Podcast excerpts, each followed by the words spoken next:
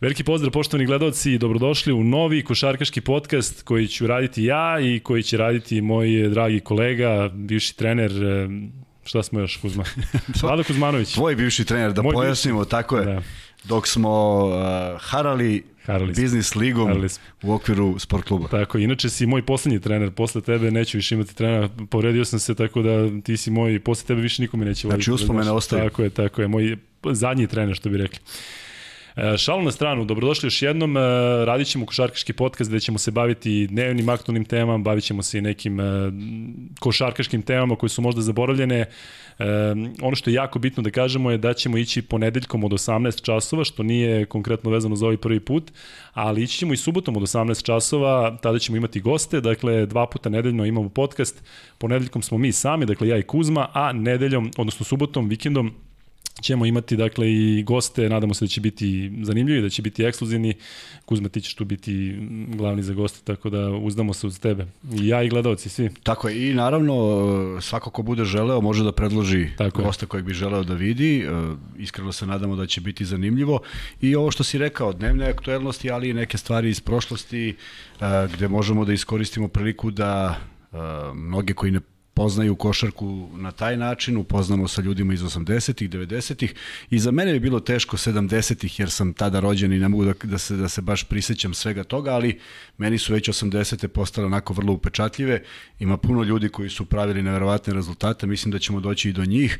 Uh, ono što je divno, živimo u vremenu kada jedan klik vas deli od provere ko je taj čovjek, pa kad budemo imali takve goste, moći ćete provere, moći gledalci da provere sve što, što, što treba o, tom, o tim igračima, jer zaista mislim da zaslužuju kada već pričamo o košarci u totalu.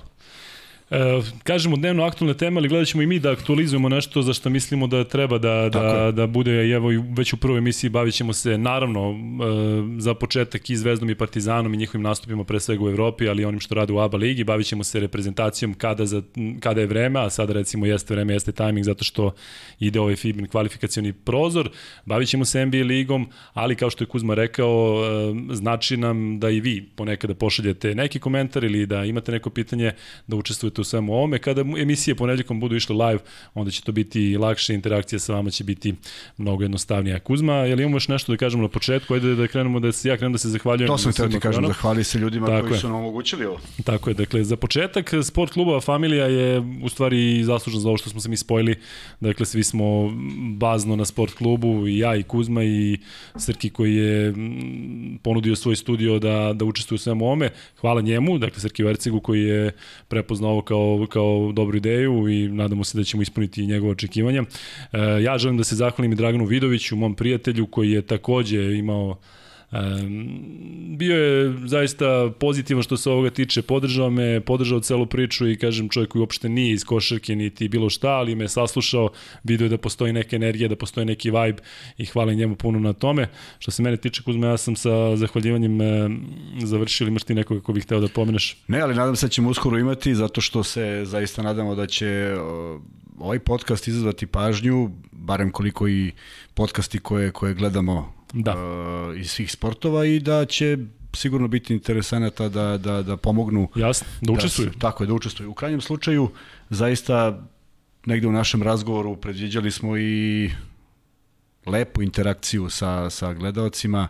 E, pričali smo o nekim mogućim poklonima, za to će sve biti potrebno dobro organizovati, ali mislim da ćemo postepeno dolaziti do toga, zato što e, divno je kada, kada, kada veći broj ljudi učestvuje i kada jednostavno imaš, imaš određenu interakciju, određeni feedback od, od, od gledalaca. Čak smo rekli da nam treba pomoć, tačnije ispomoć da vidimo da nam pomognu u, u nazivu podcasta, tako da eto, za tako vas, je, dakle, za vas je dakle ovo prilike da pošaljete neke ideje, možete da komentarišete na YouTube-u, a naći ćemo naravno i drugačiji domet da nam se obratite.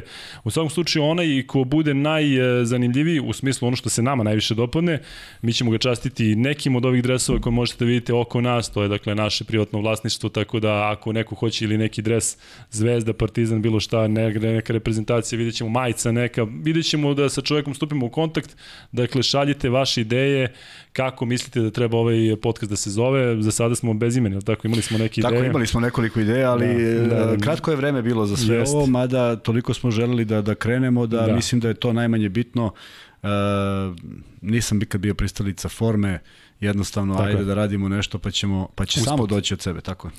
Kuzme, ili imaš nešto protiv da počnemo da krenemo, odnosno da krenemo sa ovim stvarima zbog kojih smo se, se i okupili ovde. Je. Zvezda je e, u Euroligi imala dva vezana poraza u Španiji od Baskoni i od Madridskog Reala. Ti koji naravno najbolje pratiš Zvezdu i redovan si na mečevima naravno na našem sport klubu. Da li si vidio nešto novo, nešto drugačije? Da li su ti mečevi u Vitoriji u Madridu tebi uh, pokazali da se nešto menja na bolje, na gore. Znam da, da, da si sam bio zadovoljan time kako igra Cirbes i da je sada na toj centarskoj poziciji u kombinaciji Kuzmića i Cirbesa zaista jedna, jedna, jedna dobra osnova. Ranije se pričalo o tome da bi trebalo da dođu neka pojačanja, sada mislim da, eto, da je možda da je Zvezda možda uštedela na tome da neće biti potreban centar ako Cirbes bude u formi i ako, ako uspe da, da, da ostane na ovom nivou. Uh, ovako, uh, negde je postojalo očekivanje svih simpatizera Crvene zvezde da ona pobeda u večitom derbiju koji je uvek neki podstrek za dalje, da će malo potrajati. Međutim, skupio se umor, pet utakmica vezanih bez poraza i ne samo umor, nego opet nedostatak određenih igrača. Mi smo tek u prenosu saznali da Wolters ne igra, se povredio na utakmici, Mitrović nije otputovao zbog uh, povrede u derbiju. Prema tome, to je već potpuno drugačija priča od one koju su mnogi očekivali i uh, posle, prvog, posle prvih 5-6 minuta videlo se da Zvezda nema tu energiju, što je potpuno razumljivo. Da, da, da odmah krenemo u njihovu odbranu, ja to posmatram isključivo iz igračkog uh, ugla. Mogu da zamislim koliko im je teško, mogu da zamislim koliko su kilometara prešli u oktobru, uh, neki precizni podaci su valjda oko 16.000 kilometara levo-desno po Evropi i to sigurno oduzima snagu i kažem, postojala je ta ideja da će Crvena zvezda, da će igrači uspeti u toj nameri da kudi kamo lakše protivnika Baskoniju savladaju pre nego Real. Nije se desilo, e, videlo se već na početku, dolazila je još teža utakmica protiv Reala, odigrano jedno dobro prvo poluvreme, Real ipak mnogo duža klupa u tom trenutku i e, desilo se dva poraza koji su proizvod isključivo teškog rasporeda. Tako da, kada pričamo o zvezdinim, zvezdinom učinku od 4-7, vrlo interesantno da je prošlogodišnja tabela bila identična. E, Zenit je bio prvi sa 9-2, Zvezda je bila na određeno mesto, ali sa 4-7, sa istim učinkom. Međutim, da. mnogo utakmica je već u tom periodu bilo izgubljeno na pola koša i kod kuće, što ove godine nije slučaj, tako da Zvezda posle ovih teških gostovanja sigurno očekuje bolji raspored. Da se vratimo kratko na tu utakmicu protiv Baskonije, kažeš da je jednostavno, da su se potrefile neke stvari da Zvezdi je, nije u tom trenutku Zvezda bila na nivou na kojem je bila u derbiju, očekivalo se više. Defanzivno da. potpuno, potpuno drugačija što je naravno skraćenom, skraćenom rotacijom bilo, bilo izazvano, ali e, napadački, evo pričao si o Cirbesu, on je zaista pokazao i podsjetio na prošle dane, međutim defanzivno nije to bilo ni približno, dakle e, zaista je Baskonija bila defanzivno najlošija utakmica, što ima potpuno opravdanje s obzirom da nedostaje tri igrača ne iz 12, nego iz 5. Da. Prema tome, uh, samo kažem da je postojala jedna nada da mogu na energiji utakmice protiv Partizana da iznesu to. Mislim da ništa nisu izgubili, mislim da će ta Baskonija doći u Beograd, da će to biti drugačija priča, Real će doći u Beograd, ali ono čemu Zvezda uvek treba da se okrene, to su utakmice koje dolaze i da jednostavno a, to sam najavio, to smo pričali puno u okviru studija a, vezano za Euroligu, a, neke utakmice moraju da se žrtvuju. Prosto nekim utakmicama ne treba pridavati veliki značaj. To rade najbolji, to rade ekipe koje su u samom vrhu, jer vidjet ćete kada dođu do, do, do određenog broja pobeda, više niko ne juri onu pobedu zbog nekog prestiža. Jednostavno odmaraju igrače i znaju da su ušli u top 8 i u suštini top 8 je top 4 je prioritet onim ekipama koje slove za favorite, top 8 mislim da će biti velika guža ove godine po svemu što smo do sad gledali. Da, delo da je Euroliga zanimljivija nego ikada, eto imali smo te promene baš u Baskoni, Zvezdi se namestilo da igraju kada je Spahina prva utakmica, tako, je, tako, a Spahi je donao neku novu energiju. Videlo se, ja sam radio Baskoni nekoliko puta sam komentarisao njihove mečeve, ništa naravno protiv Ivanovića, ali jednostavno videlo se da momci ne funkcionišu tako. dobro na terenu, da nešto fali. Promenom trenera, oni su baš protiv Zvezde upali u jedan dobar ritam i onda nisu održali taj ritam protiv CSKA. Ne, približno tako isti je. i loši procenti šuta i sve je bilo drugačije i sad nešto iz iskustva vezano za to, a pre studija smo pričali ti i ja o Darku Rusu, došlo je do smene, Darko je odlazio, dolazio je Muta Nikolić. Uh, bilo mi je žao što odlazi jer nije bilo razloga da odlazi. Uh, govorimo o Polonu iz Patre i pitao sam ga, ok, ali šta očekuješ kada dođemo u to, bez obzira na, na, na neku razliku i neke sličnosti koje su imali kao, kao treneri, A odgovor je vrlo bio jednostavan. Kaže, igrači neće videti mene na, na klupi, oslobodit će se i Grci će igrati fenomenalno. Da ti ne kažem da se to zaista i desilo, da je da su dva grčka igrača dali po 25 poena, što se nije dešavalo do tog momenta. Jednostavno igrali su rasterećeni, igrali su bez nekih stega. Te stege našim igračima, govorimo o srpskim igračima koji su prolazili školu Darka Rusa, su bile potpuno normalne, ali su oni bili jadni u, u, nekom, u nekom strahu oslobodili se, mi smo stvarno pobedili tu utakmicu i krenuli u neki drugi niz, nažalost bez Darka Rusa. Tako smo mi očekivali na sport klubu u našem timu kad si ti došao da se sve otvori da krenemo da, ovo, da. međutim krenulo bilo je lepih momenta. Bilo je sjajnih momenta, šal na da. stranu, kažem, to nas je spojilo sve zajedno u jedan dobar tim, možda ne toliko košarkaški koliko smo, koliko smo mogli da budemo, ali kažem ovako što se tiče druženja i celog iskustva, Tako je. zaista veliki plus. Idemo, dakle, napred, okrećemo se narednom meču Zvezde. Šta očekuješ od e, duela protiv Unixa 26.11. To je tačnije petak, ako se ne varam, od 19 časova, naravno na sport klubu kao i obično prenosimo sve mečeve. Unix je ekipa izvini sad ti ja pravim uvrtiru, koji sam ja radio sada protiv Albe, koji ima zaista Gledao fenomenalne sam. pojedince, video si ono šta je Hezonja uradio da. kada, sam, kada sam diljao u prenosu, ali generalno mislim da Unix nije tim koji može da para zvezdi e, prema mnogim stvarima, ali ono što mislim da će biti veliki minus za Unix to je kada dođu u Beogradu u onakvoj atmosferi, oni su navikli da u kazanju e, igraju pred nekoliko 2000 navijača u najbolje je varijanti. Mnogo, da. Tako je čak i sada bolje nego što je bilo. Znali su da okupe neke tamo neka vojna lica, ljudi koji kažem ti ni ne aplaudiraju i kažem oni kada dođu u neku atmosferu znaju da izgore. Opet e, dešavalo se da u nekim dvoranama u Euroligi su igrali dobro. E, mnogo Amerikanaca, mnogo stranaca, Mejo, Kenan, e, Hezonja, dakle to su sve igrači sa ozbiljnim NBA karijerama iza sebe, manje više I deluje da ih je Perasović uklopio dobro u tim, mada i oni igraju e, prilično osciliraju, oni trenutno imaju pozitivan skor, 6-5. E, da li je Zvezda prvo favorit u tom meču? Ovako kada neko dođe sa strani pogleda 4-7, 6-5, Unix dobio 4 meča od posljednjih 5, ako se ne varam, Zvezda u nekom lošem nizu. Šta je generalno što možemo očekati u tom meču?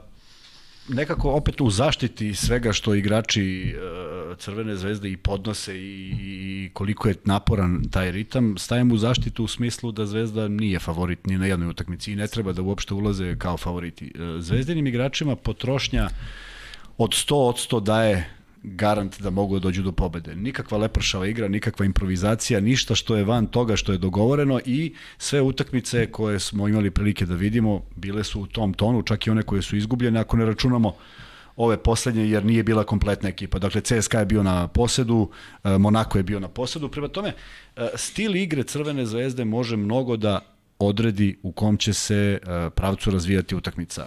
Čak i prvo polovreme protiv Reala je bilo dovoljno dobro. Ja ga obožavam. Zašto? Obožavam takvu košarku. Zato što je dozvoljeno sve kada nemaš način da se suprostaviš lepršavom igrom. Dakle, može da bude i destrukcija, može da bude i puno faula, može da bude bilo šta što ti legitimno dozvoljava da pobediš. E, nažalost, ove godine smo, kada, smo, kada je Zvezda pobeđivala, videli smo ih u onom 100% izdanju. To mora da bude uvek.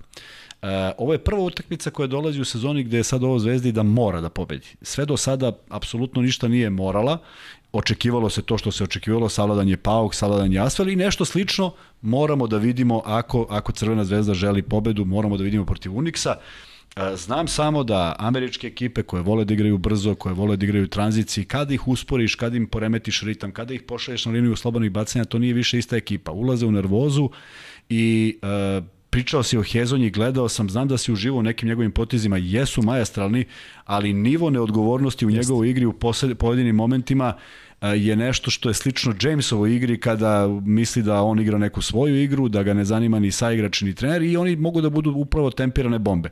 I složit ćeš se, ekipa koja je prošlu utakmicu preokrenula, samo pre četiri kola je nije uspela da pređe 50 poena. Tako. Zato što baziraju igru na šutu, to je varljiva kategorija, danas može, sutra ne mora, ali nemaju ni jednu drugu alternativu. Zvezda može da igra i mora da igra svoju igru da bi došla do pobede i ovo je prvi, prva utakmica gde Zvezda zaista mora nešto da uradi. Da, kada si rekao da Zvezda nije favorit, e, nažalost mislim da među navijačima Zvezde se to ne gleda tako. Oni ne gledaju tabelu i vide da Unix i oni misle Unix u Beogradu je ekipa koja je igrala toliko dugo Eurocup, jednostavno da. dolazi u Beograd, to Zvezda mora da dobije. I zaista Zvezda ako planira da se bori za top 8, ovo su jednostavno te utakmice koje moraju da se reše, tako zato što to ono protiv Albe i ovo protiv Unixa to kasnije može skupo da košta. Tako je. A što se tiče Hezonje, e, pravi onaj igrač koga generalno treneri ne vole, koji može da da 40 za tri četvrtine, a može celu e, ekipu da povuče dole. Dakle, on će svoje šuteve da uzme, bez obzira da li ima 1 od 12 ili ima 8 od 12, on jednostavno kada zacrta da ide ka košu, čak ono što sam ja video dok sam radio prenos, video sam da nekoliko puta Amerikanci šire ruke. Tako. Kada je sam na trojici, a ovaj se zaleti u dvojicu, ono, on, je to Zvezda treba da iskoristi u smislu baš takve ekipe da ih ubaci u svoj ritam, Hezonju malo da, da, da iskontroliše i nekoliko igrača koji su tu dominantni, tako da e, još jednom da najavimo taj meč u petak, e, Zvezda igra protiv Unixa u Beogradu. Upravo, da, i upravo to je najveća razlika koju si rekao. Zvezda ove godine ima dobar tim govorimo o timu. Da li tu postoje zvučne imena da se razumemo? Ja mislim da postoje, ali da li su to neka zvučna imena John Johnson i neki američki igrači možda i nisu, ali deluju kao jedan vrlo kao jedna vrlo kompaktna celina. Uh, kad vidiš da neko širi ruke i kad vidiš da se bazira sve na individualnim uh, kvalitetima koji su nesporni kada Tako. pogledaš igrače uh, Unixa, možemo se vratimo nebrojena puta u prošlost da vidimo koliko su ti timovi mogli da doguraju daleko, a koliko su bili zaustavljeni u nekom momentu upravo od timova. Zvezda protiv protiv Unixa i uopšte generalno do kraja sezone. Prvo uvek mora da nametne svoj ritam igre. Taj ritam igre znači i kriterijum suđenja, je tako? Dakle, da ih privoli da je ta neka odbrana ivici faula legitimna stvar. Kada to uspeju, to je potpuno drugačije. I zaista navijače je jako teško prevariti uh, ti, on, oni koji dolaze godinama na utakmice, ti vidiš da li je to ta energija koja može da, koja može da donese, donese pobedu i ja uvek priželjkujem da sa tom energijom izlaze na domaćem terenu jer su to presudne pobede. Ako ih Zvezda da. osvari sve, a kompenzovala je jednu pobedom, ili tako, protiv Makabija u odnosu na, na utakmicu protiv Baskonije, uh, protiv Albe, koja ne leži Crvenoj zvezdi, nema ni jednu pobedu. Godina mu nazad, 6-0. Tako. Dakle, eto, kompenzovano već, ajde sada da se posvete utakmicama koje su zaista pod moranjima i ovo je prva u sezoni, jer sva ostala gostovanja nisu nešto što možeš da očekuješ, možeš da se nadaš, imaš puno pravo i verujem da i to poštujem kod igrača Zvezde, odlaze sa idejom da se ne predaju. I ni jedan njihov meč nije e, prepušteno, propušteno, no. Da. nego jednostavno do kraja pokušavaju. A da li ti deluje to što kažeš da je energija u Crnoj zvezdi bolja ove sezone nego prošle, posebno na početku? Meni deluje da bez obzira na poraze da ipak zvezda ima tim. Ima, ima tim i tako je koncipiran i negde kada je koncipiran, da ne bude ja sad to nisam nikad pričao, a jesam i ljudi koji prate i neke moje intervjue i sve što sam pričao do sada, zaista sam u prvom trenutku pomislio da postoji tim za top 8. Da li je lako do toga doći? Daleko od toga, ali da postoji jedna, jedna dobra hemija koja je osnova za uh, veće rezultate nego što smo navikli i naročito kada pričaš o, o, o prošloj sezoni, e, zaista sam očekivao i mislim da je postao jedan fantastičan konsenzus među, među e, mojim savremenicima s kojima se viđam povremeno na, na ovom ili na onom mestu, da je Saša Obradović bio pravo rešenje i u jednom momentu sam izgovorio divno, svi smo se složili, samo da ne bude pretrpano strancima i mislim da je Zvezda nikada u svojoj istoriji nimala više stranih igrača koji ne mogu potpuno da odgovore zahtevima onoga što se traži u klubovima kakav je Crvena zvezda, kakav je Žalgiris. Pogledaj, Žalgiris je pravio fantastične rezultate kad imao samo jednog ili dva stranca. Dakle, postoje još timovi da. koji to baziraju na nacionalnom i mislim da je Zvezda jedna od njih, jedna od tih. Samo još kratko da se zadržimo na Zvezdi i na Euroligi. Evo kako izgleda tabela. Dakle, Barcelona, Real, Armani, Zenit, Olimpijakos, Maccabi. To su timovi koji su očekivano, da kažem, na prvih šest pozicija. Onda Unix i Asvel, ajde da kažemo da su to iznenađenja. A za to sedmo i osmo mesto, osim Zvezde, se bore CSKA, Anadolu Efes, Monaco, Bayern, Fenerbahče, tako je. Baskonija, Panathinaikos je poslednji, Žalgiris je zabeležio dve pobjede za redom. Za redom tako, je. tako i oni će proigrati. Oni će se dići, moraju da se dignu, prosto to je jedan, jedna ekipa koja pokazuje karakter, ali vidi sad ovo, uh, mesto Makabija nije, nije, nije nešto što je nedostižno. Tako, tako je. imaju 7-4, ali nije to nešto nedostižno, a ako pogledaš Asvel sa njegovim rasporedom u odnosu na raspored Crvene zvezde, veruj mi da nisu nešto da. mnogo daleko odmakli s obzirom da ih teža, da ih čeka mnogo teži raspored u nastavku. I oni su u minusu, oni imaju tri poraza za redom. Da. Dok smo još e, na Euroligi pominjao si Majka Jamesa da samo se osvrnemo na to što se dešava u Monaku James, Hezonja, ima još takvih igrača koji, koji su jako teški da se uklope. Ja sam hteo na sport klubu da napišem za naš sajt jedan tekst koji sada više nema smisla kada je došlo do tih nekih situacija koje su očekivane od Jamesa, dakle on je nešto izašao sa, sa klupe, otišao u slačionicu i to podsjeća na ono što je bilo sa Messinom u Armaniju, pre nego što su uopšte počeli da sarađuju, zato što je bila neka Twitter prepiska, pa onda znamo šta je bilo sa Tudisom, da ne govorimo o problemima koje James imao i čim je došao u Zagreb, pa je imao probleme i u NBA ligi. Dakle, jedan igrač koji je, e, što se tiče košarke, stvarno na nivou koji malo koji playmaker može da pokaže što se tiče, međutim izbor šuteva, ponašanje. Ne, ne, on je iznad sistema, on je iznad igra, on je iznad saigrača, on je iznad trenera.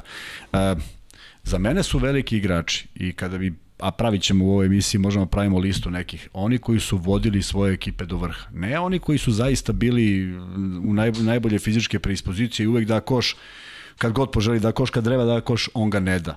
Dakle, ima mnogo takvih igrača koji su bili fantastični, ali nikada, apsolutno nikada u svojim karijerama nisu došli do nekog vrhunca. I ima, jedna, ima plejada igrača koji su to radili potpuno u sistemu, u saradnji sa ostalim saigračima i za mene su to vrhunski igrači. Ovo je vrhunski atleta, nesporno dobar Tako. igrač, ali da donese toliko razdora u bilo koju ekipu koju dođe, znajući Mitrovića kojeg poznajem lično i jedan strašan tip, a ne znam koliko on to može i koliko želi da toleriše, zato što to nije nešto što što je primereno na tom nivou naročito za taj novac naročito s obzirom da je Monaco mnogo uložio i on samo može da donese jednu a, a, a, jedan lo, jednu lošu atmosferu u ekipu i a, a, videli smo bljesak CSKA kada je on napustio ekipu i to nešto govori prema tome a, ne bih se mnogo zadržavao osim što je potpuno bizarno kako je izašao jer da. ja nisam ni video neki posle sam gledao snimak naš kolega Ilija Kovačić je radio čak nije, nije, nije ni obratio pažnju jer toliko morao si da gledaš u klupu da bi shvatio da on odlazi bez ikakve da. neke teške rasprave jednostavno se pokupio i otišao to dovoljno govori da, da nije član tima i ne može da bude vođa te ekipe i, i nije vodio CSKA i drugi igrači su bili glavni u CSKA više od njega, ali on to očigledno svoj ego je, to jest njegov ego je iznad svega. On kada je bio u Armaniju, samo kratko podsjećanje, on je u tom trenutku bio najbolji strelac Euroligi, a cela dvorana mu je zviždala. Da, da, pa eto, to Prosto govori. Tako I publika je. koja zna košarku prepozna i što ti kažeš, zaista je čudno, mada Monako je takva ekipa da Zvezdan Mitrović jeste trener, ali mislim da nije jedini koji se pita oko dovođenja igrača. Um, da li je on nametnut ili da li je on u tom, u tom trenutku delovao kao pravo rešenje, ali eto, e, kratko, da li očekuješ da James uopšte završi sezonu u Monaku? Ne, ne, ja, ja sam to pričao i uh, kada, kada je bila uh, uh, kada je bio izbio problem u CSKA, u jednom momentu u prenosu sam rekao da je bolje odmah da, ga, da, da se iseče. Ne da ono traje, traje, traje, pa se on vrati. Izvinja, sećaš se da je, da je tu bilo pokušaja? Pokušaj, upravo to, nije pa trebalo, tako je, pa nije je trebalo. Upravo, upravo sam bio stava, nije da. trebalo, ne treba, niko ne sme da bude iznad, iznad tima, iznad nečega što ti vidiš da se i tudi strudi da radi da. i kroz celu karijeru i nikada nikom nije dozvoljavao da radi bilo šta. I onda imaš potpuno suprotnost da se pojavljuje Šved koji se podredi ekipi, je tako? Potpuno, Čovjek da. koji je u Himki igrao sve što mu je palo na pamet, on se podređuje ekipi, mnogo skromniji brojevi, oni su dobri, oni su u dobrim procentima, ali to više nije neodgovorna igra, ajde malo da se zabavljamo, nego je podređeno sistemu. I odjednom uh, shvatiš da i takav igrač može. Ako može Šved, trebalo bi da Tako može je. i James, ako ne može, nek nađe neku ekipu J lige, kako se zove ona razvojna liga, liga, i da. G liga i neka cepaju, tako je. E, svoje vremeno i tudi si imao, oni koji prate Euroligu i Sport klub, sećaju se da smo i to osekli za klipove, i tudi si imao problem i s Aaronom Jacksonom, sa playmakerom, međutim, čak se nešto ozbiljno e, na terenu, ja sam radio taj meč u VTB ligi, pa se sećam, došlo je do skoro fizičkog kontakta, međutim, obojica su normalni i taj, e, to što se desilo se izgladilo. Tako i završava se u tom momentu, tako, tako je. On je dobio neku suspenziju, dve utakmice, vratio se, sve je to pružao ekipi isto ono što je pružao pre, ali očigledno da James nije tako, ajde da kažem, nasetovan i zaista ta greota za takvog igrača, zato što kao što kažeš, on je atleta koji je stvarno u stanju da uradi nešto što običan playmaker u Euroligi nije. On je prošle godine u Brooklynu pronašao svoje mesto, odlučio da bude u nekoj backup varijanti, opet igraš sa onakvim imenima u Brooklynu i tamo ga nisu zadržali, on je za Brooklyn idealan, zato što su podelili sve što imaju što se tiče novca ovima zvezdama. Znači, tebi treba jedan uh, igrač koji će ti dati nešto na trenu ako je jeftin. I tamo ga nisu zadržali. Da, znači, da, ne da. postoji više sredina gde je koje... James bio, a da je ostavio dobar utisak. To govori o njegovom karakteru i, da. i po, poimanju košarke i sada, kada pričamo, ja uvek moram da se, da se prebacim na onu staru gardu trenera, to ne bi podnosili jedan, jedan dan. Drugačija su vremena i sam kažeš pitanje na koji način dođe Tako. i treba ti neki publicitet, treba ti neka a, dobra reklama, sve je to u redu, ali ne sme niko da remeti neku, neku hemiju u ekipi zato što trpi na kraju i trener i na kraju se neko pita o čemu se ovde radi, a opet neće pitati, lakše je mnogo promeniti jednog čoveka nego 12, je tako? Tako da taj neki mora da odgovara za rezultate i mnogo mi je žao što i Tudis poznajući ga, ceneći njegov rad, njegove uspehe do sada, što je uopšte došao na, na, na, na nivo razgovora i ubeđivanja. Jednostavno, ako je došlo dotle, treba da se skraćuje doviđenje. Dosta smo se zadržali na Jamesu, ja mislim i previše. Ja? Previše, Pa dobro, ti si Hezon je pomenuo Jamesa, ja odoh i ja to ode pola podcast. Previše, zato što postoji mnogo igrača o kojima može da se priča. Ali mislim da je on u takvoj situaciji da vrlo moguće da o njemu više nećemo pričati uopšte, zato što ne, ne, ne. me očekujem Nadam ja da, da se mu onako da. nešto desi. Da. da se okrenemo Partizanu i onome što Partizan e, radi u Evrokupu i što će raditi u Evrokupu. Dakle, Partizan je u poslednjem kolu pobedio na svom terenu ekipu Lijetka Belisa 84-77. Meni deluje da je to bila onako prava pobeda gde je triumf bitan, a opet imaš toliko stvari koje su, koje su podložne promenama, ima šta da se ispravi. U svakom slučaju Partizan i dalje na tom jednom porazu u Evrokupu koji su doživjeli u Španiji od Andore. Kako si ti video taj meč i odmah da pređemo na to šta očekuješ. Imamo sad pauzu u Evrokupu, tako da se nećemo da. mnogo baviti onim što će Partizan igrati, da, a naravno vremena da protiv, o tome. protiv Pariza, ali recimo da povežemo Lijetka Belis, i budućnost. Da li je to e, isti Partizan, odnosno da li si video napredak u odnosu na taj meč u Evrokupu i onome što je Partizan odigrao za vikend u derbiju protiv, protiv budućnosti? Ba, generalno mislim da mogu još bolje i mislim da će ta ekipa rasti. Ono što je dobro, što su dobri rezultati. Ruku na srce imali su odličan raspored uh, u ABA ligi. Uh, pomučili su se na par utakmica u Evrokupu, jednu zasluženo pobedili u samoj završnici, drugu na isti način na koji su pobedili izgubili, ali kad već pričaš o ovoj poslednjoj utakmici, E, posle svih, svih, svih pobeda koje je Partizan nanizao, dolaze dva poraza i onda odjednom jedan pritisak kod igrača koji ipak nisu sa trenerom proveli duže od tri meseca. Misliš na Andoru ili misliš na Zvezdu? Kada kažeš poraz koji... Pa da, porazi, Andora i Zvezda su porazi, zajedno. Da, da, porazi, da, da. Dva poraza i onda dolazi ta utakmica gde sada biti ili ne biti, odigra se u Grču, svaka takva utakmica odigra u Grču, kada imaš jednu ekipu koja uh, je po prvi put sa jednim od najboljih trenera na ovim prostorima i znaju šta, od, šta se od njih očekuje, a prosto stegne ti se ruka. I Lijetka Belis je zaista bio na korak od egal utakmice, završilo se kako se završilo i što sam kažeš kada se pobedi ne treba tu mnogo analizirati. Verujem da Željko Obradović ozbiljno analizira i pobede i poraze ali prosto ne može ništa ekipi da se zameri jer uh, jako teško da neki igrač ne želi da izgleda dobro na terenu. Takvog igrača još nisam upoznao i verujem da i njima je najteže. I uh, strašno sam bio alergičan kroz karijeru kada je nekome u upravi ili, ili nekom navijaču teško što je poraz doživljen pa valjda je najteže onim momcima koji su na terenu. Ali Partizan jako dobro, dobro gura.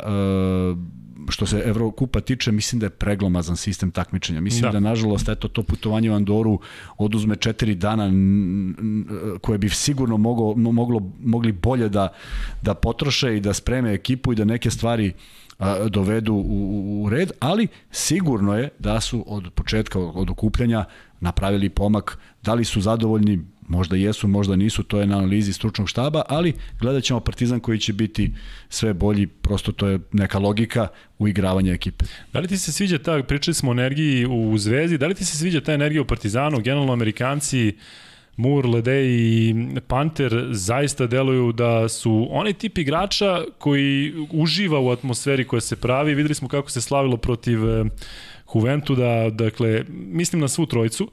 Um, deluje da će dati 110%. To su opet igrači, govorimo o Ledeju i o Panteru koji su igrali Euroligu i to na ozbiljnom nivou, koji su igrali, malo, malo je falo da dođu do do ozbiljnih rezultata. Oni su prošle godine prošli na Final Four. Tako je. Tako da opet sada ideš Eurocup, ideš u neki tim gde ne znaš šta i kako. Mislim da su oni oduševljeni e, svim onim što su videli ovde, opet Panter je bio, pa Panter znao u kakvim atmosferama se igra, ali tačno se vidi da su to igrači koji uživaju da podignu publiku, da imaju interakciju sa publikom i što se mene tiče, Partizan zaista igra jako dobro, da li će biti poraz, da li će biti padova, naravno da će biti. Tako je, mora da bude. Tako je. Mislim, A šta misliš da se nadožemo samo kada sam te pitao ovo za Partizan i za energiju, generalno taj format novi Evrokupa koji je specifičan, gde imamo to u smjenu finala, pa onda jedan meč gde je domaćin, to u ovakvoj situaciji Partizanu da li odgovori ili ne?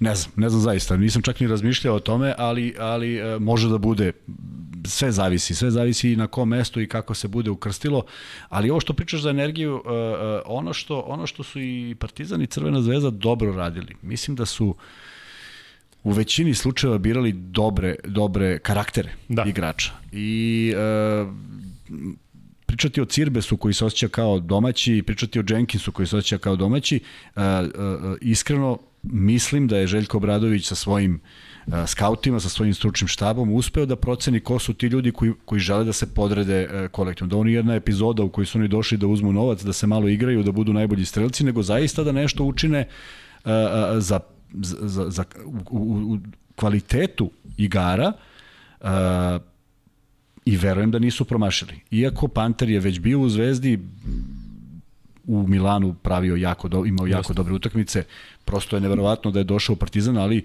iskreno govoreći negde, negde je veliki izazov da te trenira Željko Obradović, možda si mogao da ga gledaš na televiziji, da. da. tako je. Prema tome, e, e, dobre stvari se dešavaju e, i jedna i Crvena zvezda i Partizan trenutno pružaju pristojne i jako dobre rezultate što se ta dva, tak, dva takmičenja tiče, ali mislim da je ipak Evrokup preglomazan po određenim utakmica kojima smo gledali, prosto nema još tih 20 ekipa koje, koje mogu da, da, da, da, da, da drže kvalitet uz ovih uh, 18 koliko ih ima u Euroligi. Koliko ti se sviđa ovaj mali Jamadar iz Relac? On deluje da je kao da je pušten slanca, a opet e, nekako Partizanu daje, daje zaista 100%. Uvijek je nezgodno kada dođu ti igrači koji su draftovani e, u NBA ligi, on zna da će kad tad završiti u tom Bostonu ili u nekom drugom e, NBA timu.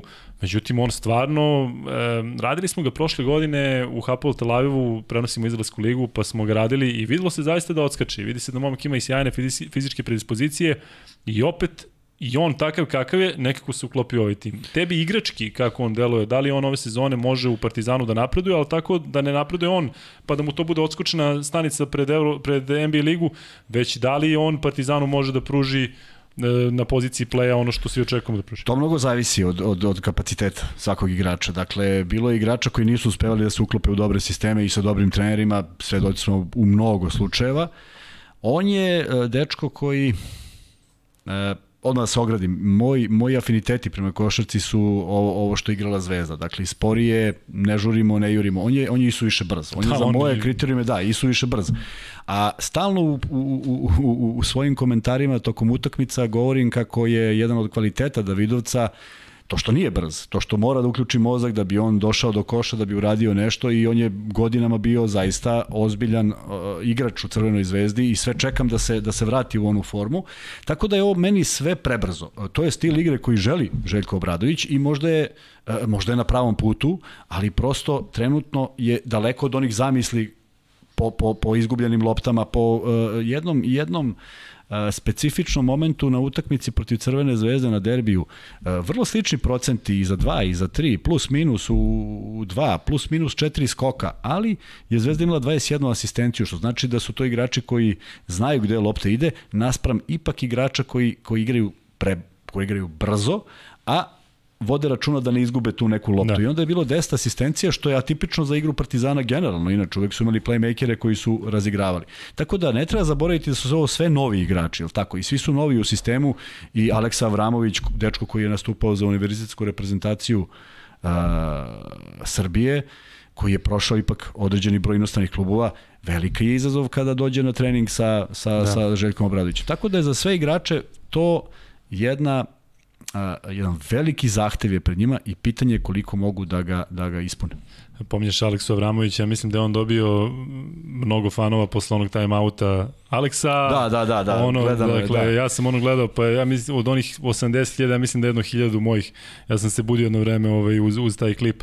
Tako da Aleksa Avramović stvarno igra pristojno i mislim da može da bude još bolji, ali ja sam zaista pozitivno uh, iznenađen kako igra Smajlagić, zato što ti kad odeš u NBA ligu pa se vratiš ovde, to je jednostavno udarac za tebe psihički. On igra u Golden State-u, bio je tamo, nije igrao sa Clem Thompsonom zato što je ovaj povređen, igrao je sa Karijem, igrao je, igrao je u NBA šampionu ne od pre 10 godina, nego od pre 2 godine. I e, da ono dođe sa ovakvom sa ovakvim stavom, ja kažem on kad je pogodio trojku protiv e, e, Juventuda, dečko o, ja mislim da on bio uduševljeniji od cele hale, dakle, e, ja sam zaista pozitivno iznenađen i ovo što je odigrao protiv budućnosti je takođe bilo e, sjajno, to statistički delo je 20 poena i 7 skokova, međutim mislim da Smajlagić i tim zakucavanjima i načinom na koji igra, delo je mnogo zrelije nego što jeste on je momak koji je dalje, dalje kao ima dar e, izuzetno mlad.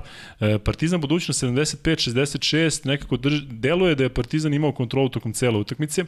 E, koliko je taj triumf bio bitan, pa da se odmah nadovežemo na ABA ligu, koliko je teško baš Zvezdi i Partizanu zbog takvog formata, zbog takvog Eurokupa i Eurolige da e, se troše u ABA ligi gde, da se ne lažemo, ja zaista ne želim da pocenim nikog, vidimo kako izgleda CDVita, Olimpija CDVita u poslednje vreme, budućnost svaka čast, ali nekako se tu kao u domaćoj futbolskoj ligi podrazumeva da će se Partizan i Zvezda ovakvi boriti za, za triumf. Jednostavno nema tu mnogo e, prostora za neki kiks, što opet jeste neka vrsta neka vrsta pritiska, ali da se ne lažemo, Partizan i Zvezda njihove sezone, odnosno sudit će se o tome šta urade u Evrokupu i Euroligi. Tako je. E, ipak prioritet jednih i drugih na kraju će biti kada se sve, kako, kako utakmice budu odmicale, morat će negde da se nečemu priklone, ali tako? I to je najveći problem što se sama završnica ABA lige igra uvek u odsudnim, odsudnim utakmicama Evrolige ili Evrokupa i to je veliki problem. I ABA liga to nikad nije rešila i tu postoji zaista problem kako izaći na jednu utakmicu koja ti je život. Do pre dve sezone je to zaista bilo život, pošto se išlo kao, kao prva kaba lige i to je promenjeno, ide se po pozivu, ne znamo šta bi se desilo one sezone koja je prekinuta, vidjet ćemo kako će to ići u budućnosti, ali upravo si, e, vrlo je bitna pobeda, spomenuo si Smajlagića, vrlo je bitna pobeda zato što je to treća, četvrta utakmica koja je imala veći značaj, veći kvalitet. E, sve ostalo si mogao i možda da proguraš na neku, na neku želju, na neku energiju. Ovde su se poklopile stvari i za Smajlagića još najneverovatnije što, što dolazi iz... Uh, posle dve, tri godine ne takmičarskih utakmica. Dakle, koliko god on igrao NBA, proti koji god kojeg god igrača igrao, on nema obavezu da pobedi, niti Tako je, je to neki prioritet. Sad Posebno, se nalazi... izvini, u nakvom Golden State-u koji je razvoren povredama gde igraju igrači koji treba kao ovaj Jordan Poole koji se nametnu sad ove sezone, dakle oni su tu tražili igrači koji mogu da koriste narednih godina. Za, za Smajlagića, ne mogu da kažem da je ta epizoda bila negativna, ali sigurno nije bila pozitivna čim Tako se vratio. Tako je, čim se vratio. I, I vratiti se na taj način i, uh, ajde sad nešto iz, iz malo dalje prošlosti, malo dalje. 2016. on je bio u selekciji Srbije, jedan izuzetno talentovan igrač, jedan dečko, zvali su ga Smiley, i ovaj, koji, koji je negde uh, pogledom kada mu trener kaže šta treba da radi ti vidiš da je on zaista istog trenutka to usvojio. I verujem da negde kada bi Željko mogao da ispriča kako reaguju igrači nekako mi deluje da uh, Smajlegić zaista najviše prati jer uh, i tada je pokazivao taj jedan uh, košarkašku, tu jednu košarkašku inteligenciju. Dolazi, uh, dolazi u otvorena, otvorena vrata da bude uh, ajde da kažem, ne kažem vođa ekipe. Jako je teško biti na poziciji 4 ili 5 vođa ekipe. Obično su vođe ekipe ljudi koji imaju loptu, je tako? Ali se pokazao kao najstandardniji, da on daje svoj maksimum, pravi greške što je potpuno normalno, ali generalno vrlo, vrlo interesantan, s obzirom da je ovo prva sezona, ozbiljnih utakmica ABA lige i, i, i, i pre svega Evrokupa. Prema tome, od njega, od njega se možda i najviše očekuje i možda i najviše pokazao ako se uzme uh, cela sezona, ali opet za, za, za kraj ove priče o Partizanu, uh, Željko Obradović, grupa igrača, traje to nekoliko meseci, ali to mora da, da bude uh, uh kvalitetnije iz, iz dana u dan, iz treninga u trening. Još jednom da kažem da se Partizanom e, i narodnom utakmicom u Eurokupu ne bavimo zato što je to tek za dve nedelje. Ko zna šta će da se desi do tada da. i pola praktično ekipe igra u reprezentaciji. Reprezentacijom ćemo se baviti jako brzo, ali zakačio si ABA ligu. Koliko je ABA liga postala, ajde da kažem, teret baš od tog perioda kada su se igrale uh, utakmice biti ili ne biti, sećamo se onog Final Foura u Beogradu i šta je bilo u tom duelu Zvezda Cibona, Partizan Cedevita, a sada što ti kažeš osvojiš ABA ligu, niko ti ne garantuje da, da, da, niko. da ćeš da ideš Tako u Euroligu. Da li je to poraz ABA lige ili je to poraz Euroligije ili je tu jednostavno nije došlo do konekcije kako smo svi očekivali da zaista domaće regionalno takmičenje ti donosi u stvari najvredniju stvar. Ja sam to postavio ovako. Ako želiš da budeš deo jednog sistema kakav je Euroliga i ako u tom trenutku kada ona postaje sve snažnija, imaš tri predstavnika iz tri države, je tako? Onda to koristiš da promovišeš sport i da ne praviš nikakve gafove. Mislim da ih je bilo puno. Mislim da je ABA liga proširivala ligu kad god im pade na pamet. Mislim da je skraćivala ligu kad god im pade na pamet. Mislim da je u par navrata bio, bili su bile bugarska ekipa koja se raspala pred početak sezone i igralo se forme, pro forme. Uh, to, su, to, su, to su greške u korecima koje Euroliga prosto gleda. Ti nijednog trenutka nisi bio partner. I onda se desilo pre dve godine da Euroliga napravila jedan pravilnik koji je podelila svim klubovima kako treba se ponašati u dvorani, kako treba... I onda je obično se dešavalo ekipe sa Balkana plaćaju kazne za ubačene predmete, redko ko to plaća, je tako? Prema tome, to, je, to su pravila koja ili želiš da poštuješ ili ne želiš, tvoj izbor, ali ne možeš da budeš ljut, jer ja, na, na, na tu organizaciju, jer ja prosto ne mogu da zamislim da je, da je Bartomeu, koji evo, izgleda završava svoj mandat u, da, u Euroligi, ja ne mogu da zamislim da se on probudi E, I sad, e, sad, je to eksplicitno dokazano, da nije Bartomeu probudi se kaže ja sad neću nikoga iz Euroligi. Pa znači, pitaju se neki timovi, neki timovi koji žele ne žele da igraju ovde, je li tako?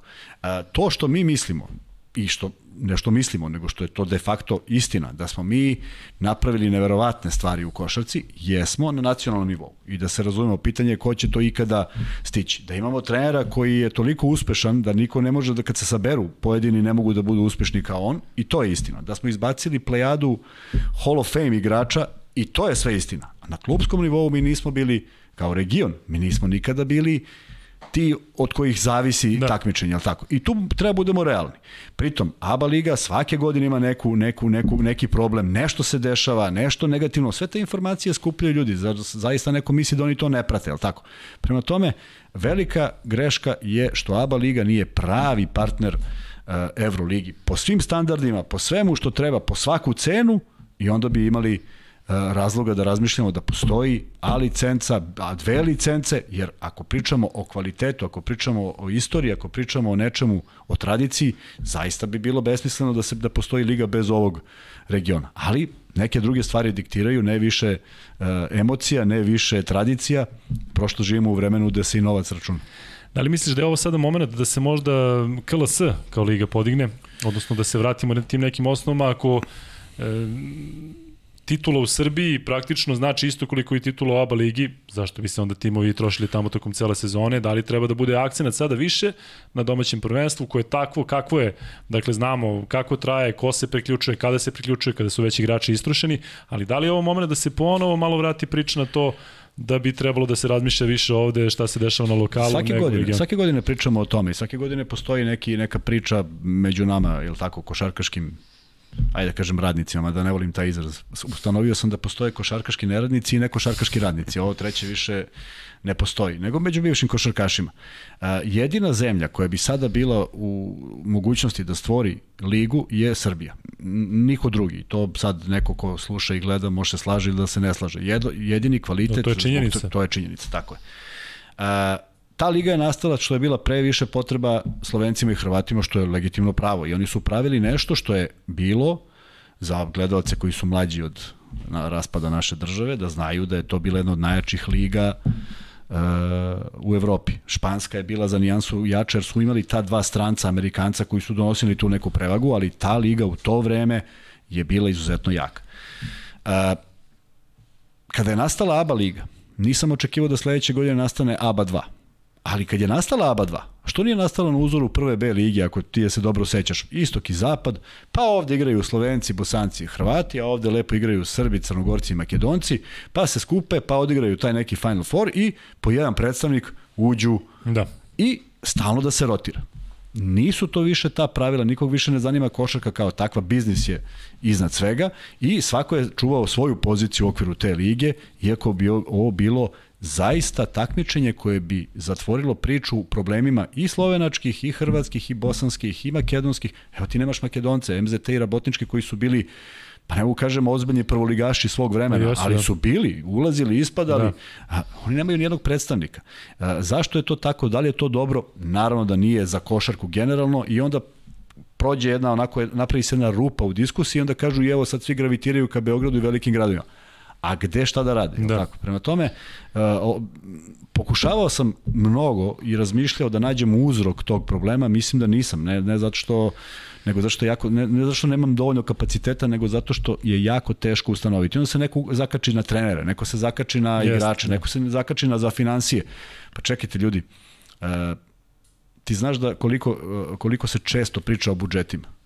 Pa hajde da pričamo o budžetu jugoplastike. Koji je bio ju, budžet jugoplastike je bila prva? Pa nije bilo budžeta, nego su imali da ultra talentovan tim. Koji je bio budžet Partizana 91. kad su usvojili? Pa nikoji, je li tako? Živjelo su da, da. početak ratnog vremena, ne mogu ni da zamislim, ali sigurno nisu bili ni u kakvom vrhu. Prema tome, pravili su se rezultati zahvaljujući kvalitetu, ne to samo Najveći mogući rezultati. Tako je. A evo, ajde da pričamo i o ovim ekipama koji imaju po 40-60 miliona da ulože, pa što ne osvoje svake godine Euroligu.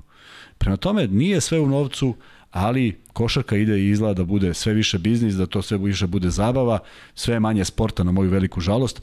E, ja volim da gledalci uživaju u Euroligi, ja volim da gledalci uživaju u NBA ligi, ali ovaj, ovaj sistem takmičenja je takav da mi gledamo jednu ekipu u utorak u onom duplom kolu i jednu izduvanu ekipu u četvrtak koja ne liči na sebe u samo dva dana, jer prosto nema vremena da kada se oporave, nema vremena kada treniraju, nema vremena kada se spreme za utakmicu. To vuče neke druge stvari, eto, malo, malo pa ljudi koji eto prate, pa vide povređeno toliko igrača, ne igra petorica, pa mora da omori, onda nikome nije jasno, pa baš zbog ovog rasporeda da što ti kažeš, tako je. ta putovanja, to se tek ne shvata koliko je bitan kada odeš negde i sada svi znaju Partizan igra u Andori. Treba doći do te Andore i vratiti se. aviona i, i onda tako, ideš autobusom. Tako, znači, još sada sa ovim COVID protokolima, to je sigurno toliko mučno ne mogu da, da, da bolje i da ne zamišljam. Da.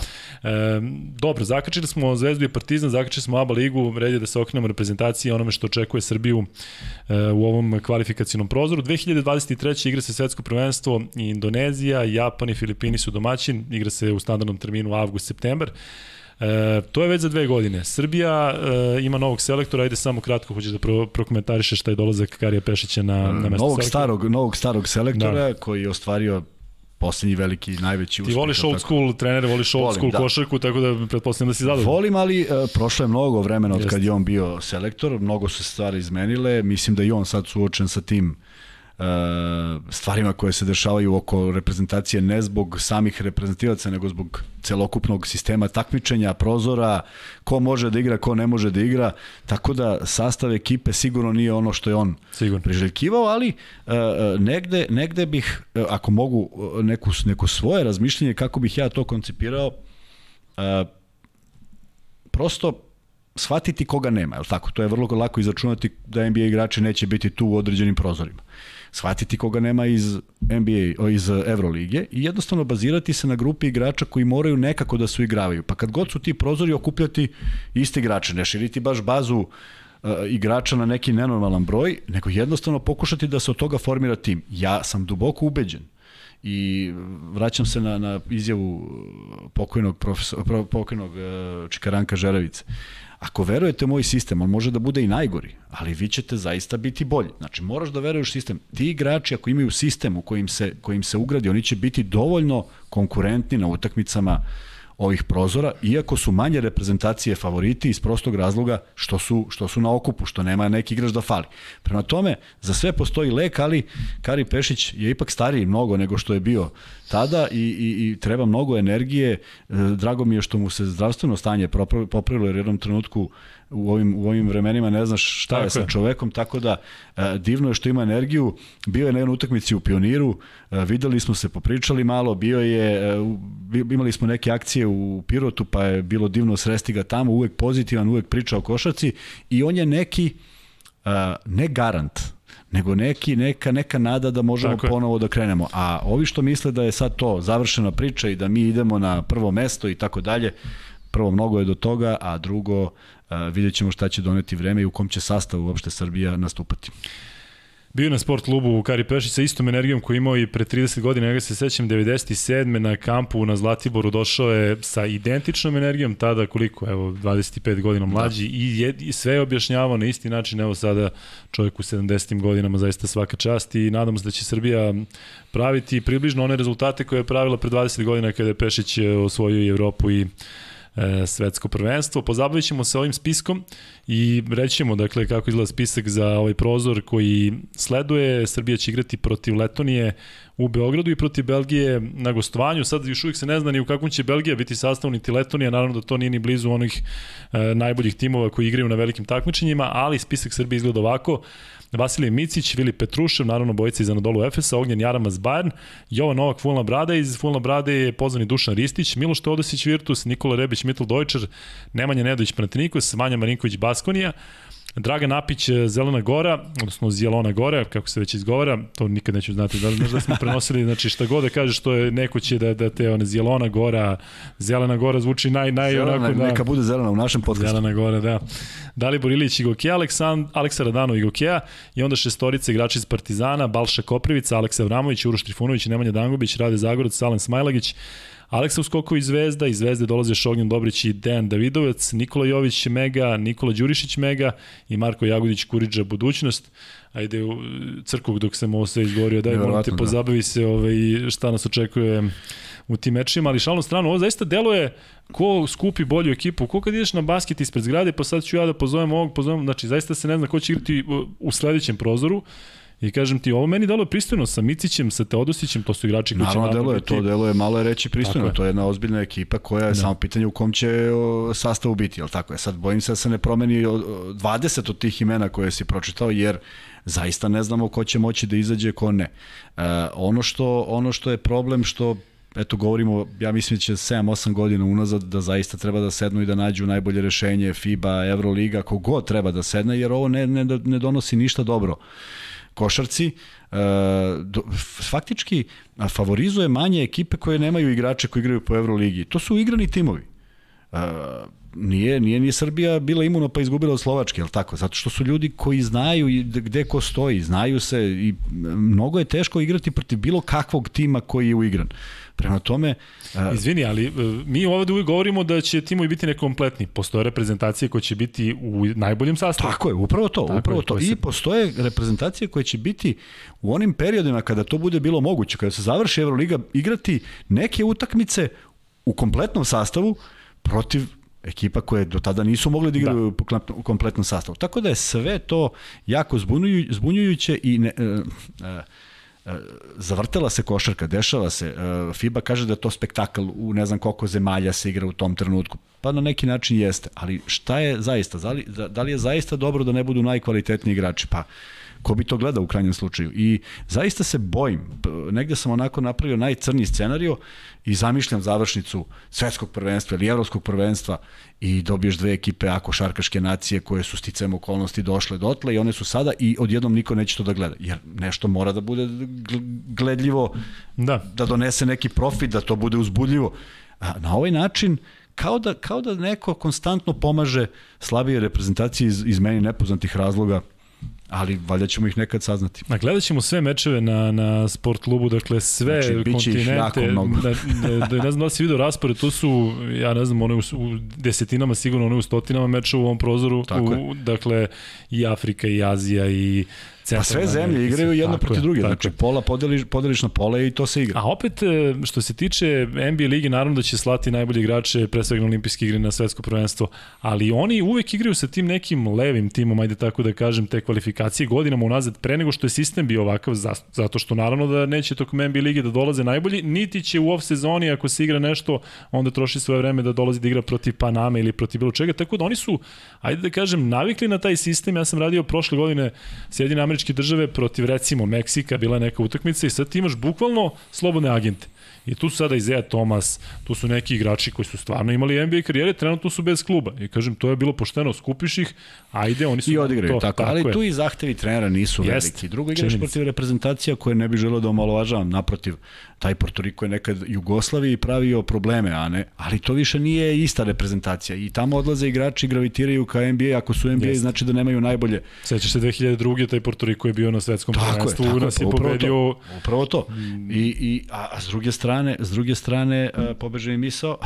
da, ja sam te s Porto Rikom, sam te pre, ne, hteo si da timovi ovi slabi. Da, potpuno nije važno. Da, hoću da kažem, uh, jednostavno uh, uh, NBA je NBA i to je u redu, ali evropska košarka je najjača ako pričamo o regionu, je tako? I tu se, tu se zaista može desiti da, da, ne, da imaš jedan paradoks da Slovenci koji su prvaci Evrope ne idu na svetsko prvenstvo, pa ko je to smislio uopšte? Ja da. moram da postavim pitanje kome Just. je to palo na pamet.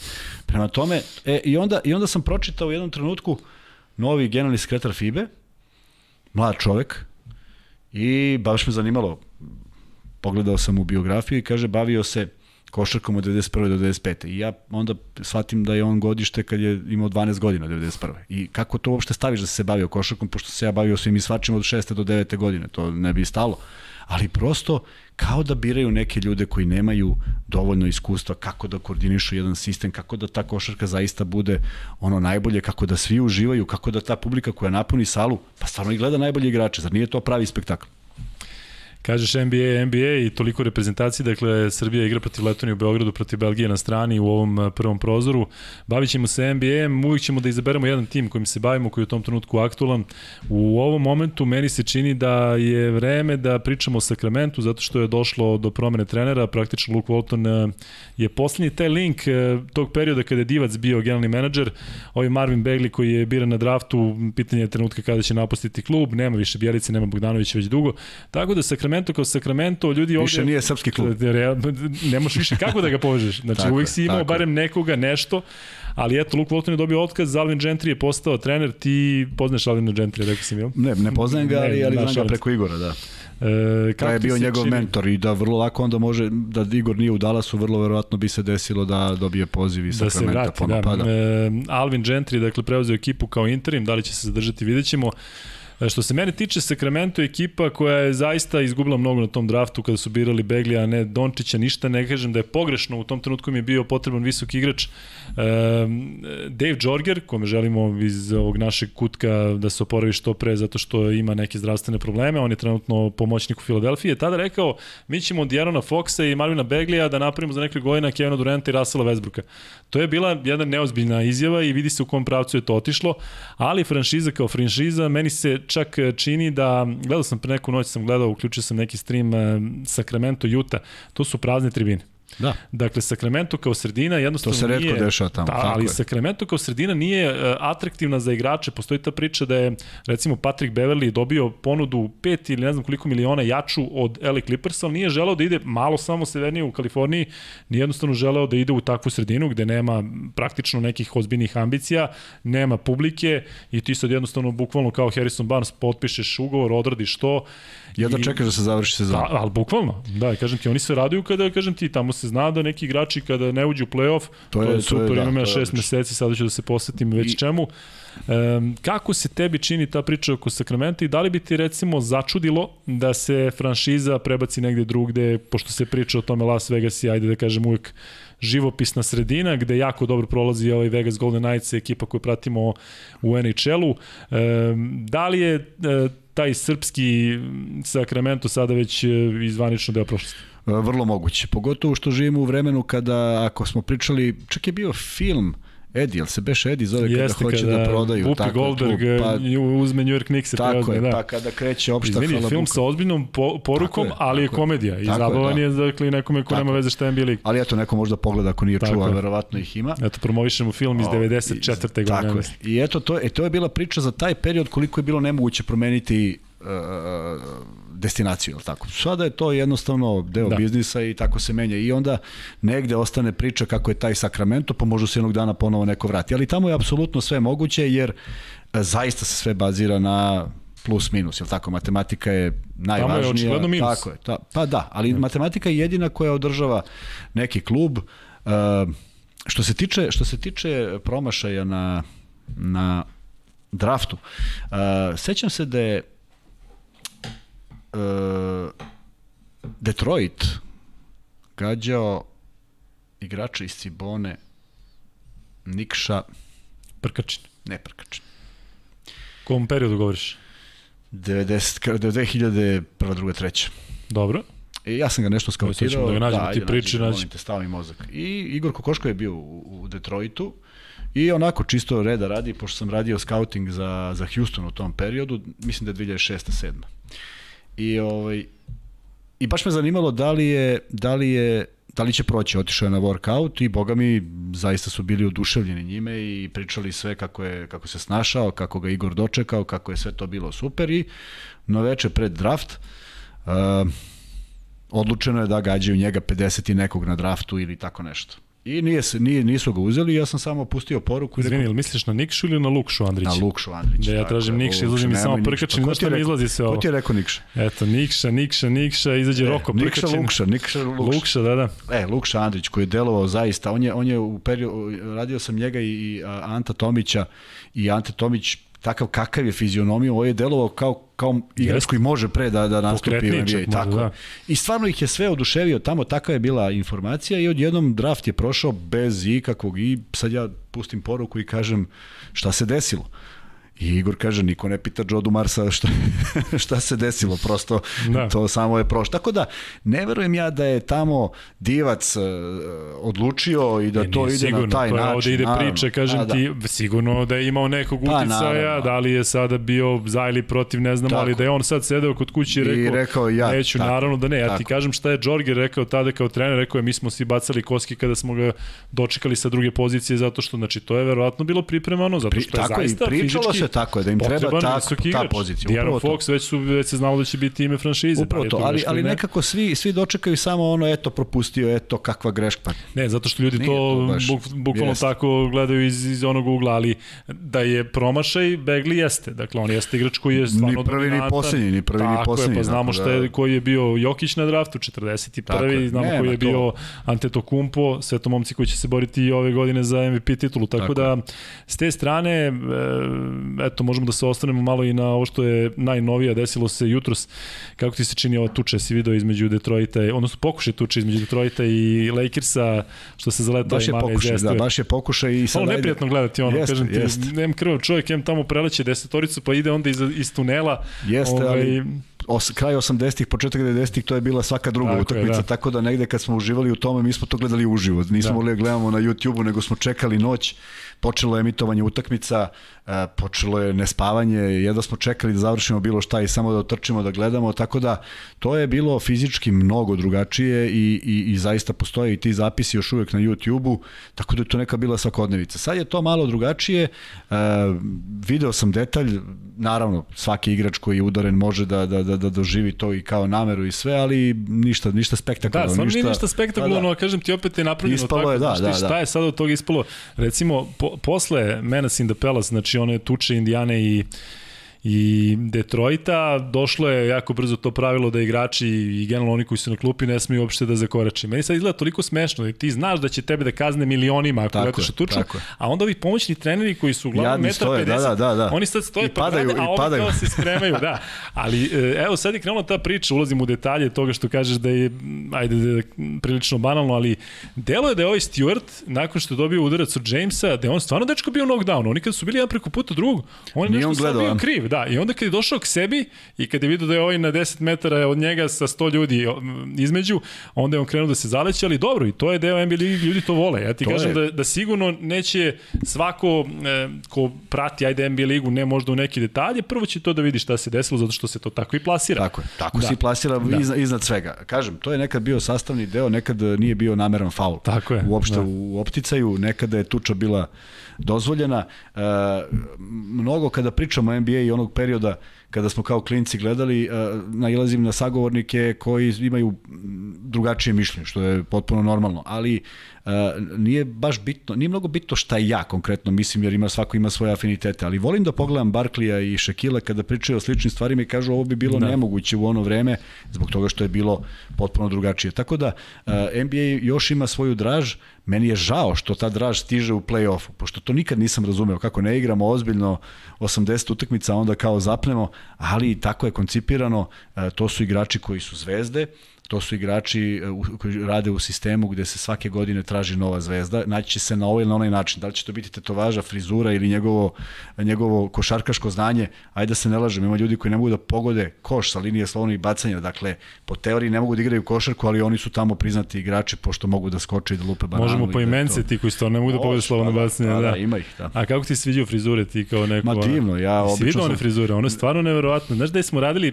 pre nekli godina radili smo All Star na NBA-u, radio sam ja sa, sa kolegom Vladom Novakovićem i mi pričamo, ja mislim da smo čak i u prenosu pričali ili smo se isključili i sad pojavljali su se neki reperi E, I sad svi imaju iste frizure, ja ga pitam, jer ti razlikuješ ko je koji reper, ne, da li uopšte znaš? Da. Kaže, ne bre, to su svi jednake. Da. Tako, nažalost, sada i ovi momci koji dolaze sa koleđa stvarno imaju imidž onako prilično zaprepašćujući, ali vraćam se opet i po, obećavam ti posljednji put na ovo Sinoć Detroit Lakersi, da isto mi je interesantno kako, kažem ti, verovatno ti padne mrak na oči i ti sad nisi došao, on je tamo i ti nisi došao do njega, ali misliš da ćeš kroz tunel uspeti da stigneš. tunel pa ćeš ti okolo. Bilo je pre nekoliko godina interesantno e, ovaj mali Devin Booker koji je fantastičan igrač, ali isto onako malo lud u glavi i Đorđi Đeng su se zakačili i sad kao ajde idemo u tunel, idemo u tunel, pa čekaj, pa ti pa, kasnije je bilo priča, snimali su taj tunel, ti tu prođeš pored još 100 ljudi, pritom moraš da znaš kako da dođeš Tako i sad će oni kao da se nađu u tunelu i nikad se ništa nije desilo. Nikad se nisu našli. Pa da, bilo je kada je Mills čekao nešto autobus, bilo je neki priče kada je stvarno i Carmelo i Garnet pa se nalazi ispred autobusa, pa stvarno vidiš da je frka, hoće da rasprave to, ali to se uglavnom sve spusti naravno. što ti kažeš to. Pa i to mora, to je, to je deo, deo folklora, prosto Jeste, tako mora. Činjenica, ja kažem ti, ne, ne kažem da je ovo namerno, ali opet mislim da neko trlja ruke i kaže dobro da, da, da, da, desilo. sad je ovo gledalo... Zato što je utakmica, kao utakmica bila ništa. interesantna, ali Detroit tim koji kažem ti nema ništa, Lakersi koji baš se vraćamo na ono, kupili su sve što su mogli da kupe zvezde, Ja kažem ti, ne znam, pričat ćemo o Lakersima u nekom narodnom podcastu i vi slobodno šaljite i vaše želje, ideje, o čemu da pričamo, kako da pričamo, zaista ćemo gledati da ispuštamo ono šta možemo, nećemo više u NBA ligi. E, predlagano je vreme da privodimo kraju. E, znam da si ti... Stiže moja miljana tema. Tako je, za vikend si bio aktivan, bio jedan humanitarni turnir na Košutnjaku, pa Nije tebi sad prepuštam. Nije humanitarni, bila je liga. Eto vidiš da. kako sam da. pogrešio, dakle bio ligaški turnir, pa tebi prepuštam da kažeš sve šta je bilo, ko je bio, kako je bilo. Pa, mnogi ljudi znaju naročito naravno iz moje okoline i ljudi koji me prate na društvenim mrežama da sam se angažovao pre četiri godine kao predsednik Saveza košarkaša u kolicima. Jedno divno iskustvo, divni momci, uh, isto nam je ono što, što nas vezuje u stvari je činjenica da sam ja počeo da igram iz ljubavi prema košarci, oni to rade uh, iz ljubavi prema košarci. I kod njih je to samo ljubav prema košarci, zato što nema tako je, nema financija. No, ide u Evropi ima i znam da sam, te, da sam te šokirao kad sam ti rekao da pojedini igrači uzimaju od 2 do 3, 4, 5 hiljada da, evra na naj, najbolji igrači, tako da je to razvijen sport u Evropi. Mi smo tu gde jesmo, ali smo velikim koracima napravili neke, neke promene i bila je uh, NLB Wheel liga, tako se zove, 14. izdanje te lige, međunarodne lige sa slovenačkim, hrvatskim i ove godine srpskim klubom i crnogorskim jednim. E, bilo je vrlo zanimljivo, Singidunom koji je nedavno postao deo kuće napravio partnerstvo sa Crvenom zvezdom iz ove nastupa u ovoj sezoni kao Singidunom Crvena zvezda je napravio i prvu pobedu, pošta su igrači došli jer Singidunom u ovim takmičenju ne slovi za favorita iz prostog razloga što je ogroman broj igrača van zemlje. I to treba ljudi da znaju, oni igraju profesionalno za klubove u Nemačkoj, na Kipru, u Grčkoj, tako da to koliko je to divna stvar, toliko otežava funkcionisanje uh, tog kluba, međutim generalno kao savez smo napravili jedan fantastičan rezultat 2019. prvi put u istoriji osvojena medalja na uh, Evropskom prvenstvu C divizije srebrna medalja koja je reprezentaciju prebacila u viši rang, prošle godine je bila, e, ove godine je bila B divizija po prvi put u istoriji Saveza, pobeđena je Grčka u poslednjem meču, zauzeto je sedmo mesto, e, dok su se igrači slavili, prolazili su Bocanci i Hrvati i konstatuju da se samo kod nas uvek slavi. Ali u suštini to je bila prva pobeda u B diviziji za koju su pojedini igrači zaista 20 godina proveli vredno radeći i uh, mislim da je taj sport u ekspanziji, mislim da uh, je mnogo ljudi pomoglo da se to sve više vidi. Na konkretnoj utakmici došli su ljudi iz Crvene zvezde, Filip Sonturlić, i Janko Popović su došli u, u, u da, da, ovaj, da, da podrže. Uh, Igora Kočević je dobio dres od reprezentacije naše, uručio, uručio mu je Gregor Gračner, došlo sa tri juniora Crvene zvezde kao podrška i sve je prošlo onako baš, baš divno zato što uh, videti energiju, videti osmehe tih ljudi uh, pored kojih ne smemo da imamo probleme, prosto mi ih izmišljamo negde, uh, treba ih videti, treba ih podržati, treba, treba, treba obratiti pažnju na njih, ne sažaljevati, to je nešto što Naravno. apsolutno ne žele, jer oni verujte, dišu, veruj mi, dišu punim plućima i kada odu na letovanje u Grčkoj ti ga vidiš na 10 lokacija. Mi ležimo na plaži i teško nam da odemo do, do vode, a oni su svuda da bi videli Jako što smo više. na pola metra do vode. Bukvalno, da. tako da, tako da je jedno velika, velika stvar i zaista mislim da je, da je da, da smo skrenuli pažnju države, da smo skrenuli pažnju uh, Paralimpijskog komiteta uh, prema nama. Mi ne možemo da budemo evro, olimpijska disciplina jer samo osam reprezentacija ili šest iz Evrope ide na olimpijske igre. Biti među šest u Evropi je jako, jako, jako teško, ali jedan, jedna lepa ideja je da mi jesmo bili i jesmo svetska vele sila u košarci, zašto ne bi to malo pogurali i kroz košarku u kolicima. Veruj mi, broj osoba sa invaliditetom postoji. Samo ih treba dići iz njihovih kuće, iz njihovih četiri zida gde su verovatno uh, zbog, zbog težine života i ko zna kako im se desilo, što im se desilo, invaliditeti su različiti, ne znaju da ovo postoji, ne znaju da mogu ponovo da se druže, da putuju, da pobeđuju, da uživaju u životu, prema tome, evo, opet prilika ja uvek koristim gde god gostujem, a ovde će malo više koristiti. Ovde, ovde da ne gostuješ. S obzirom da ovde da, ne da. gostujemo, da ćemo malo pričati o, o njima prilika da pozovem tu te ljude.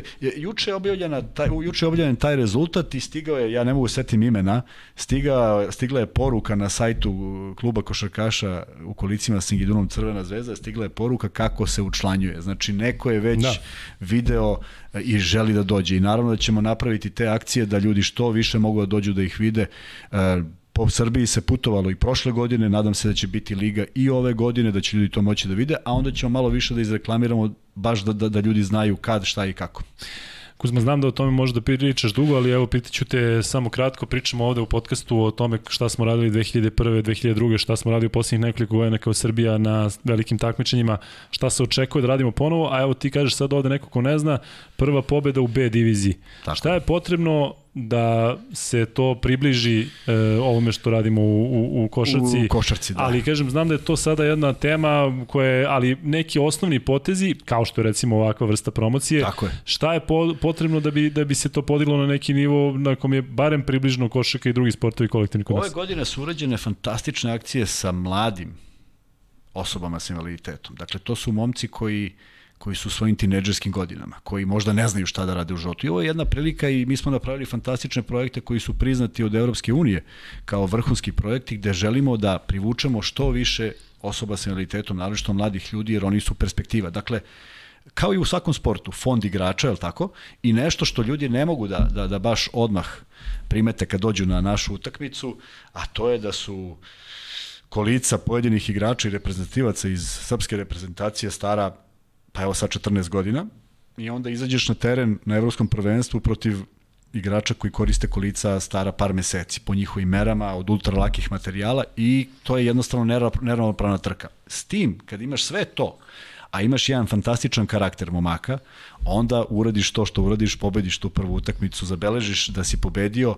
Pobediti Grke u Grčkoj kao domaćin ne znam da smo uspeli u mnogo sportova. Da. E, ja kao košarkaš, odlazili smo na turnire, svaki pripremni period odlazimo na neto.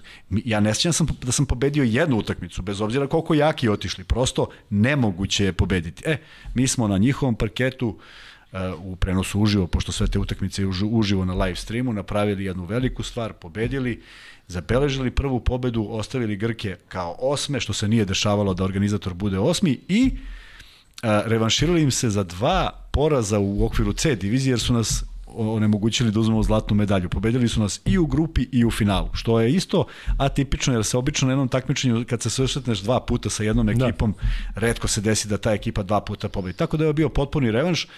Najavljujem za sledeću godinu B prvenstvo ponovo jer uh, poremetila je korona sve, trebalo je da bude svake druge godine, ovako će biti i sledeće godine i mislim da ćemo i za sledeću sezonu imati dovoljno sposobnu ekipu da opstanemo. Mi sad ne idemo nekim velikim koracima, samo je bitno da budemo tu gde jesmo i da održimo taj kontinuitet da bismo stvarali bazu igrača. E, vidim sa kojom energijom si u svemu tome i baš mi je drago, ja sam bio za vikend e, isto prisutan. I ti znaš da, mnogo o tome. Tako, tako je, znam i vidio sam neke momke i kažem ti, e, rekao sam i tebi, e, zaista bavimo se nekim problema koji uopšte nisu problemi, tako. a onda dođeš i vidiš to i, i, i kažem ti, priznajem ti da mi nije bilo lako, rekao sam ti kad sam vidio ovog jednog momka da su mi krenule neke emocije zato što ga znam pre 15 godina, 10-15 godina i e, u svakom slučaju želim ti da u tome budeš što uspešnija, naravno ovde ćemo pokušati da promovišemo što je više moguće i celu priču i neke aktivnosti koje slede i ono što je aktualno, kao što je recimo sada bilo, bio ovaj e, turnir, tako da e, sretno što da ti kažem. Hvala ti, imam, imam zaista divnu ekipu, ekipu ljudi oko sebe, puni pozitivne energije, Uh, i verujem da će ova sezona biti opet za nijansu taj jedan korak ispred u, u čemu god, samo da, da, da ne bude da ne bude nekih uh, padova, jer do sad ih nismo imali. Uh, upravo tvoj osjećaj je bio neki moj na samom početku kad sam ih upoznao 2016. to je bio taj prvi inicijalni susret, već drugi susret je bio da su naravno. oni ljudi koji zaslužuju ne, svaku ne, podršku i nema nema ni trunke uh, sažalja, sažaljenja, jednostavno dišu punim plućima i igraju sport koji vole i ovo je najatraktivniji sport zato što podrazumeva sve a, oblike invaliditeta. Da, i samo im treba dati šansu, pravu šansu da se samo dokažu i uslove. Tako, Kakve tako. takve uslove, oni će odraditi svoje. I tu smo napravili neke stvari koje idu svojim tokom, tako da se nadam da će i uslovi biti bolji. Kuzma, vreme je da privedemo ovaj naš prvi podcast kraju. Jel ti imaš nešto da dodaš? Sada ćemo ponovo da uđemo u onu priču. Vanja, ti e, znaš kako ono na YouTube-u, kad YouTuberi krenu, subscribe-ujte ovde, pa onda ovde dole udarite ovaj like, ti se, da, da ovaj prst ne ide u prazno, ali šalno stranu, zaista treba nam i vaša podrška. Kažem, šaljite pitanja, sugestije, samo da su da dobro namerne i te zlonamerne ćemo naravno da da vidimo da, da ispratimo, ali kažem, kada je neka dobro namerna primetba ili bilo šta, to ima smisla. U svakom slučaju, dakle, još jednom da kažemo termine. Od sledeće nedelje krećemo, dakle, subota od 18 gost, ponedeljak od 18 live, ja i Kuzmo pričamo otprilike iste će teme biti, samo će biti naravno drugačije i to je otprilike to, obaveštavaćemo ćemo vas usput o tome kako možete da nas podržite, odnosno i na društvenim mrežama i na nekim drugim platformama, ali eto, to je za, ovaj, za ovo prvo druženje e, cela priča, recimo Kuzme, si zadovoljan? Da, prošlo je jako brzo, baš kao što smo i mislili. Jel imaš oči koliko je vremena? Da, da, ne, pa gledam ovaj sat, sat da, da. namestio sat, inače ne da, bih da. znao, ali ovaj, zaista e, e, kada pričaš neke dobre teme i kada pričaš pre svega, pre svega kao, kao ljubitelji košarke, znaš, ja sam mnogo posvetio košarci i, i zaista sam je volio i danas je volim i posmatram samo iz tog ugla. I kada tamo radiš čista srca, mislim da će i odziv biti takav prema gledaocima da će prihvatiti ovu emisiju kao nešto što je zaista afirmativno košarkaški i ono što si možda možda, možda smo i rekli, ne mogu da se ovaj, setim, ali ne želim da učestvujem u tabloidnim stvarima, naravno, želimo da naravno. učestvujemo u bilo čemu. Znam i tebe kako razmišljaš prema tome, te stvari koje se pojavljuju Čak i kada zakačimo te neke teme, to je zato što je ovako grevijalnog karaktera tako kao sada što je ovo, pa se osvrnemo, da, ali sada mi da, da, da kopamo neke, neke jame bez veze i da se bavimo nekim stvarima samo da bi produbili problem ili da bi ga istakli, to zaista nećemo raditi. Dakle, ovako ako je bilo sada, bit će u buduće, nadamo se, još bolje. U svakom slučaju... Mi čekamo predloge, uvek ćemo tako vrlo rado razmotriti. I što se tiče imena, ja i ti zovemo Luka i Kuzma i da čekamo da nam daju neke, neke sugestije kako da se zove ovaj podcast, tako da i to šaljete uskoro ćemo vam prikazati gde, šta i kako, tako da budite uz nas. Kuzma, to je to, je tako? Da ih pozdravimo. Ajde, I hvala što su gledali. Tako je, i vidimo se već u subotu, pa onda opet u ponedljak i tako u krug. Veliki pozdrav.